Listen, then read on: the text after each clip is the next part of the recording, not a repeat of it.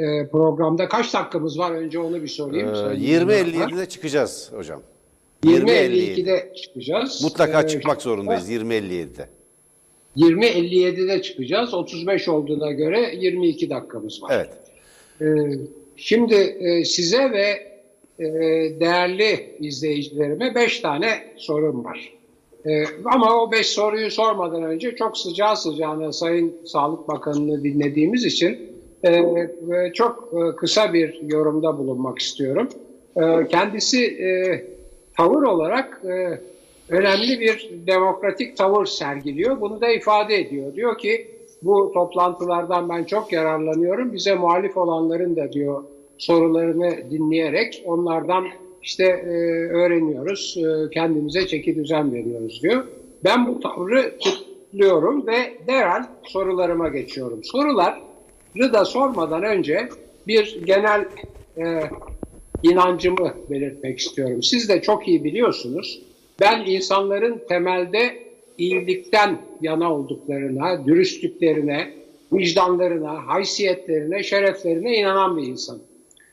Dolayısıyla bütün insanların özellikle de kendi içinde yaşadığım toplumun namuslu, şerefli, haysiyetli, dürüst e, insanlar olduğunu düşündüğüm için bizi yöneten, bizi yöneten politikacıların ve e, politikacıların meclisteki milletvekillerinin özellikle ve onlara ek olarak Cumhurbaşkanlığının etrafında kümelenen, e, tayin edilmiş arkadaşlarımızın, e, evlatlarımızın, kardeşlerimizin, büyüklerimizin diyemiyorum. Ben çünkü galiba yaşça bunların hepsinden büyüğüm. Onun için kardeşlerimizin, evlatlarımızın, arkadaşlarımızın hepsinin şerefli, namuslu, haysiyetli, dürüst insanlar olduklarına gerçekten inanıyorum. Bu bu gerçekten inanıyorum. Yani ironi falan yapmıyorum. Bu bu inancım sadece muhalefette eleştiri yapanları değil, e, özellikle iktidar partisinde, AKP'de ve iktidara ortak olan MHP'deki e, insanları da kapsıyor. Yani hem meclisteki milletvekillerini hem de Cumhurbaşkanlığının etrafında kümelenenleri. Şimdi beş tane soru belirledim. Bunları size de soruyorum, onlara da yöneltiyorum. Şimdi bu şerefli, namuslu, haysiyetli, dürüst insanlara soruyorum. Bir, Sayın İçişleri Bakanı'nın Sayın İçişleri Bakanı'nın sokağa çıkma yasağı önerenleri e, teröristlikle, teröristlere hizmet etmekle veya bizzat terörist olmakla suçlaması çok yanlış değil mi? Buna kimsenin sesi çıkmayacak mı? Üstelik bunların başında ben de geliyorum. Yani e, sokağa çıkma yasağı hem de tüm ülkede e, uygulansın ve bütün günler, bütün saatler herkes için uygulansın diyenlerden biri de benim. Ve nitekim bir süre sonra kendileri de e, Cumhurbaşkanı'nın da talimatıyla diyerek bu e, uygulamayı yanlış bir uygulamayla yani saat 14, 10, 24'teki 12'deki gece yarısındaki uygulamayı onda haber veremezsiniz. Verirseniz böyle olur. Bakın Cumhurbaşkanı 5 gün evvelden haber verdi önümüzdeki hafta sonu. Doğru olan budur. Kendisi bunu önerirken size yol göstermeye çalışan, halkımızı aydınlatmaya çalışan, size tabii iktidarda olduğunuz ve hepimizi yönettiğiniz için yardımcı olarak eleştiren veya e, efendim e, belki de yol gösterme amacıyla illa eleştiren olması gerekmez. Farklı fikirler söyleyenlerin teröristlikle, bozgunculukla, şahmet tellallığıyla e, suçlanması sizi rahatsız etmiyor mu? Vicdanlı, haysiyetli, şerefli insanlar olarak, dürüst insanlar olarak bizim bizim tarafımızdan bizi yönetmeniz için seçilmiş insanlar olarak bu, bu tavır sizi rahatsız etmiyor mu? Beni çok rahatsız ediyor. Yani ben özellikle e, sokağa çıkma yasağından e, yasağına taraftar olan biri olarak ve bunu pandeminin en başından beri savunan biri olarak fevkalade rahatsız oldum. Ben bütün dünyada, bütün ömrüm boyunca sadece bizim ülkede değil, teröre, şiddete karşı tavır koymuş bir adamım. Yani nasıl böyle bir şey olabilir? Sizi bu rahatsız etmiyor? Birinci sorun bu. İkinci sorun. Gene şerefli, haysiyetli, dürüst, bizim çıkarlarımızı koruyan insanlar olarak tam bu arada Salda Gölü'ndeki katliamı nasıl kabul edebiliyorsunuz? Orada milyonlarca yılla, milyonlarca yıldaki doğanın oluşumuyla ortaya çıkmış olan beyaz kumu çıplak ayakla bile üstüne basılması yasaklanmış olan beyaz kuma ekskavatörlerin girmesini, inşaat makinalarının girmesini ve oradaki kumun başka yerlere taşınmasına nasıl tahammül edebiliyorsunuz? İkinci sorun bu. Üçüncü sorun, Sayın Cumhurbaşkanı'nın etrafında oluşan yönetim kadrosu içinde önemli bir yere sahip olan İletişim Başkanı'nın Uzguncuk'taki yasalara aykırı inşaatına ne diyorsunuz? Bu arada dördüncü buna benzer bir şey, dördüncü bir sorun. Ee, birden çok göreve atanmış olan devlet memurlarının birden çok aldıkları maaşlardan kesilecek olan her türlü kesintiden muaf tutulmalarını ve bunun sizi seçenlerin vergilerinden, ceplerinden ödenmesi hakkında hiçbir rahatsızlık duymuyor musunuz? Yani gerçekten bunları soruyorum, inanarak soruyorum. Sizlerin namusuna, haysiyetine, şerefine, bize hizmet etmek istemenize, yurtseverliğinize, vatanseverliğinize vallahi billahi güveniyorum.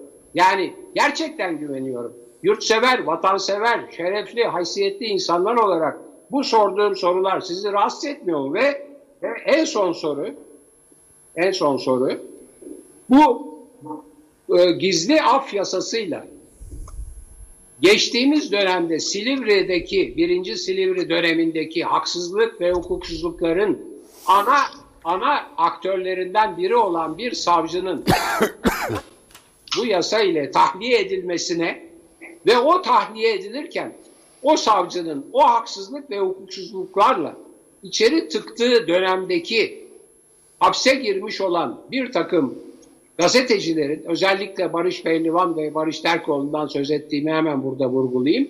Gazetecilerin içeride kalması için özel yasa maddesi eklenmesine gece yarısı hiç ses çıkarmıyor musunuz? Bu sizi hiç rahatsız etmiyor mu? Yani öyle bir af yasası getiriliyor ki öyle bir infaz yasasında değişiklik getiriliyor ki zaten anayasaya aykırı. Çünkü af yasaları 3 bölü 5 çoğunlukla 360 sandalyeyle getirilmeli, oyla getirilmeli. Ama yani getirilen yasayla yapılan iş eskiden sizin mücadele ettiğiniz FETÖ paralel devlet yapılanması paralel PDY dediğiniz Fethullah Gülen paralel devlet yapılanması dediğiniz örgütlenmeyle mücadelenizde binlerce, yüz binlerce kişiyi işinden eden, aşından eden, bir bölümünü hapislere tıkan bir mücadelede onun sorumlularından olan bir savcıyı tahliye ediyorsunuz.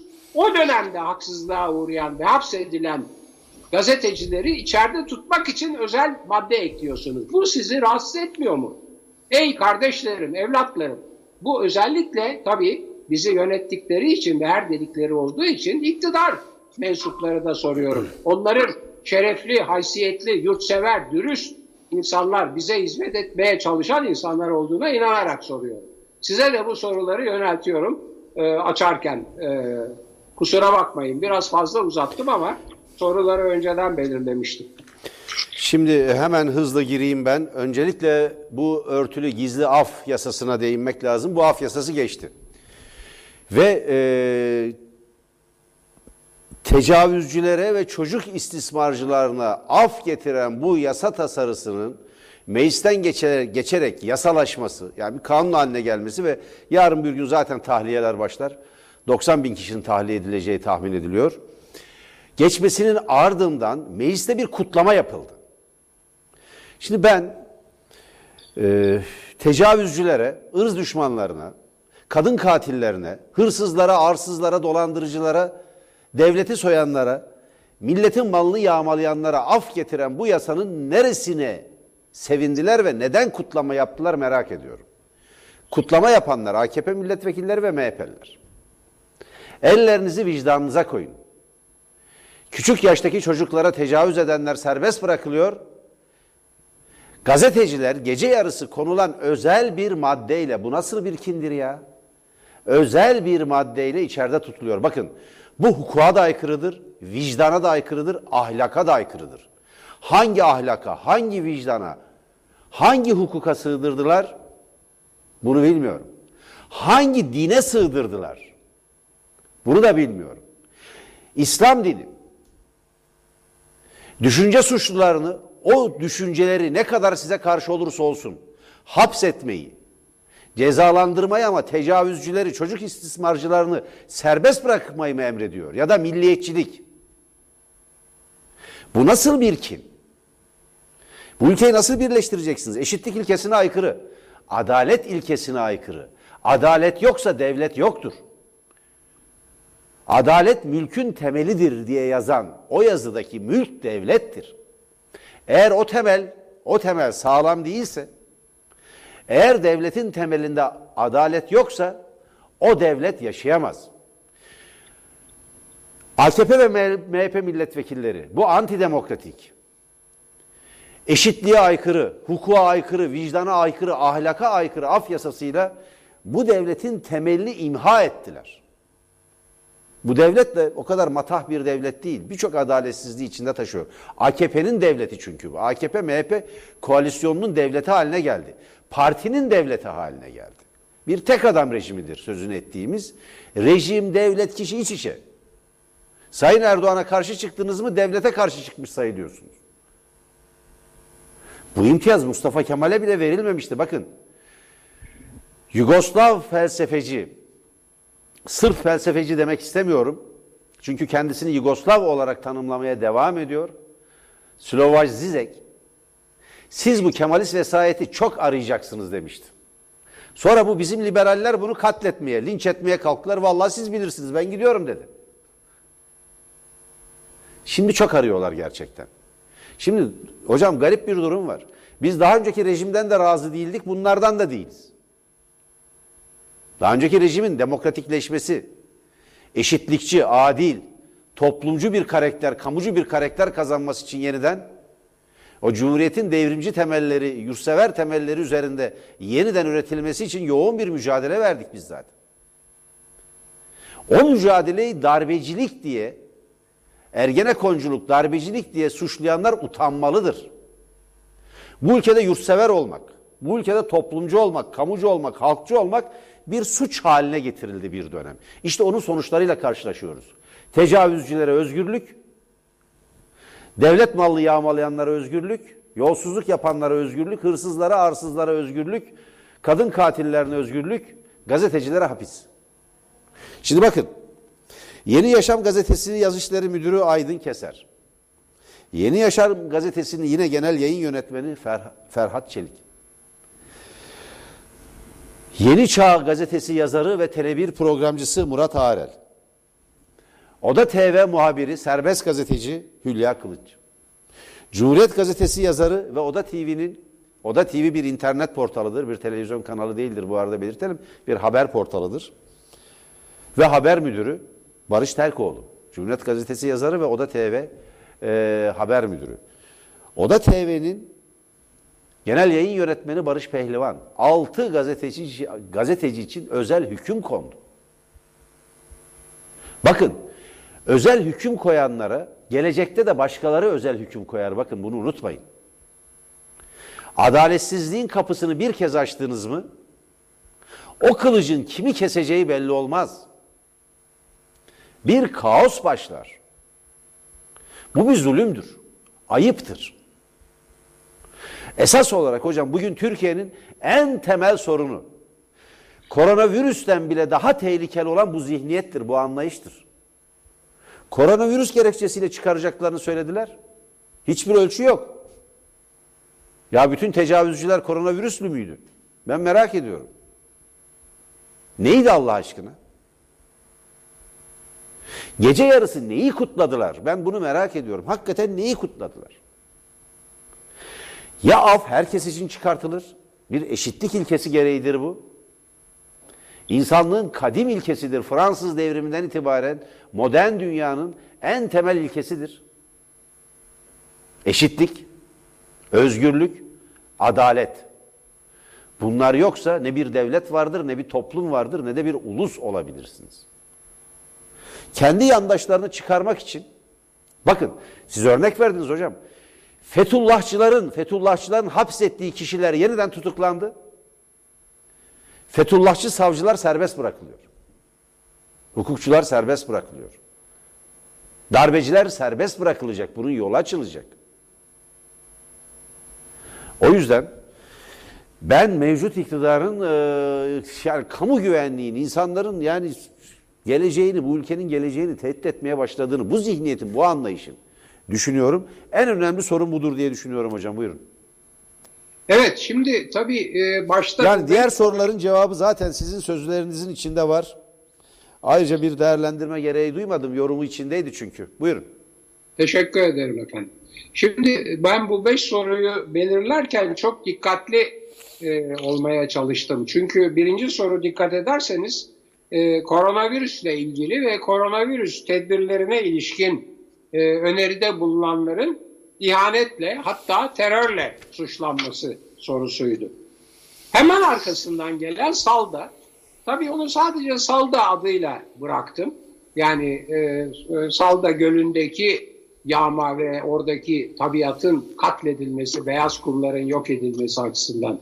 E, maalesef, maalesef gerek kentlerimizde, gerek doğal sitlerimizde yağmalar devam ediyor. Şimdi saymakla e, bitmez bunlar ve vaktimiz de yetişmez. Onun için sal da bir bir bir simge. Yani bir yandan koronavirüsle mücadele ediyoruz, öbür taraftan bu krizi fırsata çevirelim diyen bir anlayış içerisinde koronavirüsü bahane edip örneğin içerideki e, mahkumları ve kamuoyu vicdanında da mahkum edilmiş olanları dışarı bırakıyoruz.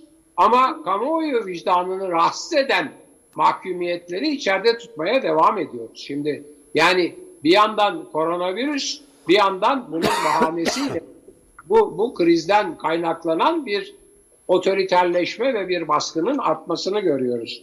Ayrıca yani e, Sayın Altun'un bu Kuzguncuk'taki olayı ayrıca tam onun üzerinde paralel olarak Hocam Kuzguncuk'taki olayını hatırlatalım. Olay ne? tamam lütfen hatırlatın. Kuzguncuk'ta hazineden, e, milli emlaktan kiraladığı arazinin üzerinde kaçak yapı yapmış. Evet. İstanbul Büyükşehir Belediyesi de gelmiş yıkmış. Evet. Şimdi Cumhurbaşkanlığı İletişim Daire Başkanı olan birinin bunu yapma hakkı yok. Böyle bir şey Aynen yapamaz. öyle. Aynen öyle. Ya bizim Aynen. basın kartlarımızı iptal eden kişidir kendisi. Onun şeyi kurum. 35 yıllık gazeteciyim. Benim basın kartımı, sürekli basın kartı sahibiyim. 35 yıllık gazeteciliğimin 32 yılı sarı basın kartı hakkıyla geçmiştir. Sarı basın kartı kullandım. Sarı basın kartı almaya hak kazandım. Sürekli basın kartı almaya hak kazandım. İnceleme de diye bize vermiyorlar basın kartlarımızı. Gerçi o basın kartını taşımak ne kadar doğrudur, insana ne kadar onur kazandırır bilemiyorum ama kazanılmış bir hakkımızın gasp edilmesiyle karşı karşıyayız. Orada kaçak müştemilat yapıyor işte. Ee, barbekü yapmak için herhalde bir veranda, bir ona benzer bir şey yani e, bir müştemilat yapılmış.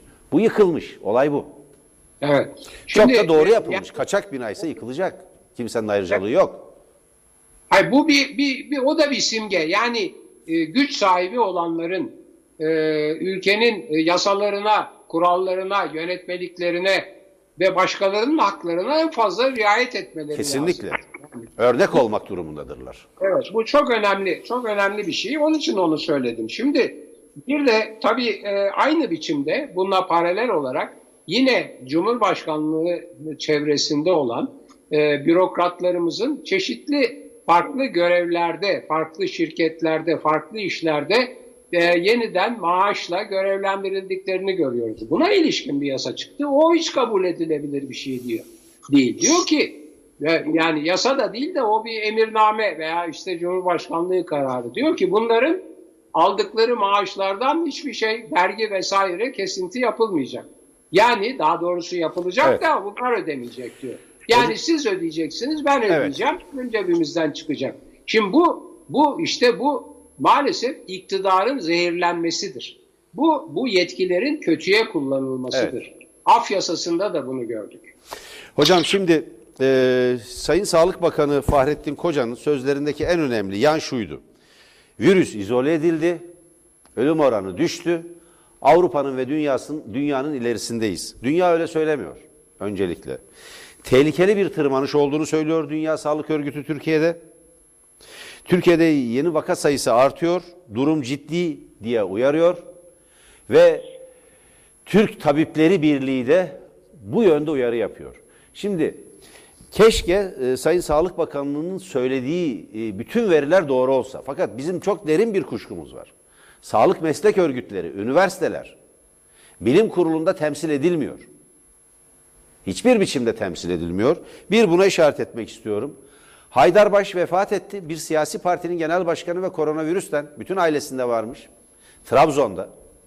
Kendi memleketinde. Kendisini kendisini huzur içinde yatsın. Kendisini rahmetle anıyorum. Ya önemli bir isimdi. Yani bizim İslami bir partiye karşı olduğumuza dair genel bir efsane vardır. Bizim siyasi tercihlerimiz, felsefi tercihlerimiz bellidir, ortadadır. Ama Haydarbaş'ın kısa biyografisini ben bütün seyircilerimize e, Tele1 haberlerinden izlemesini isteyeceğim. Millicidir, antemperyalisttir, kamucudur, halkçıdır ve çok önemlidir. En bir şeye itiraz eder, bir şeye itiraz eder. Deniz Gezmiş ve arkadaşları, o gençler Amerikan emperyalizmine ve 6. filoya karşı yürürken kendisine İslamcı, sağcı, milliyetçi diyenler 6. filoyu kıble diye alıp namaz kıldılar tekbir getirip. Ben bunu kabul etmiyorum. Onlar imanlı, diğerleri kafir sayıldı. Ben bunu kabul etmiyorum, reddediyorum dedi. Bu çok Doğru. önemlidir. Ve Doğru. Deniz Gezmiş'in arkasından dua eden onu Allah rahmet eylesin diyen bir isimdir. Şimdi demek ki, demek ki hem Müslüman hem İslamcı olup hem antemperyalist, daha doğrusu hem e, Müslüman olup hem, hem antemperyalist hem halkçı hem kamucu olmak mümkün. Hem yurtsever olmak mümkün. O bakımdan. Haydarbaş'ı burada saygıyla analım. Hocam bitirirken e, bir şeyi belirteceğim Rütük'le ilgili. Cezayı ödedik. Cezayı ödedik. Ben e, bütün seyircilerimize çok teşekkür ediyorum. Verdikleri destek nedeniyle e, halkın desteğiyle biz bu cezaları açtık. Umarım Rütük, umarım Rütük bunu bir kan davasına, bir intikama çevirmez. E, büyük bir dayanışmayla açtık. E, Tele1 halkın desteğiyle, onun finansmanıyla yoluna devam eden e, en demokratik finansman biçimine sahip televizyon kanalıdır Türkiye'de. Bir medya kuruluşudur. Hacı Bektaş Kültür Evi'ne, Gedik e, Bey'e, Mehmet Karabey'e İskenderun'dan, Emine Hanım'a çok teşekkür ediyoruz. Nuri Bey'e, Can Bey'e, Aylin Hanım'a, Zeynel Abidin Bey'e, Şinasi Bey'e, Suna Hanım'a, Eyüp Bey'e ve adını sayamadığım yüzlerce, binlerce izleyicimize, Tele1 seyircisine, dostumuza çok çok teşekkür ediyorum. Biz bu dayanışmayla bu engelleri teker teker aşacağız ve gerçekleri halka, topluma açıklamaya devam edeceğiz. Evet. Ben e, programı kapatırken iki çok kısa cümle söyleyeceğim. Biri Haydar Baş hakkında. Değerlendirmenize tamamen katılıyorum. Bir şey daha ilave edeyim demiştim. O ilave edeceğim şey Atatürk hakkında çok kapsamlı, çok geniş, derinliğine analiz içeren bir kitap yayınladı. Bir araştırma yaptı. Çok önemli bir kitaptır. Merak edenler ona baksınlar. Haydarbaş'ın Atatürk kitabı. İki, Sağlık Bakanı'na buradan bir çağrıda bulunmak istiyorum. Derhal çok kısa. Yahu maske satışını serbest bırakın kardeşim. Evladım ser- serbest bırakın. İnsanlara maske yollamıyorsunuz. Süpermarkete gidiyor. Süpermarket içeri almıyor masken yok diye. Ya bana o kadar çok şikayet geliyor ki.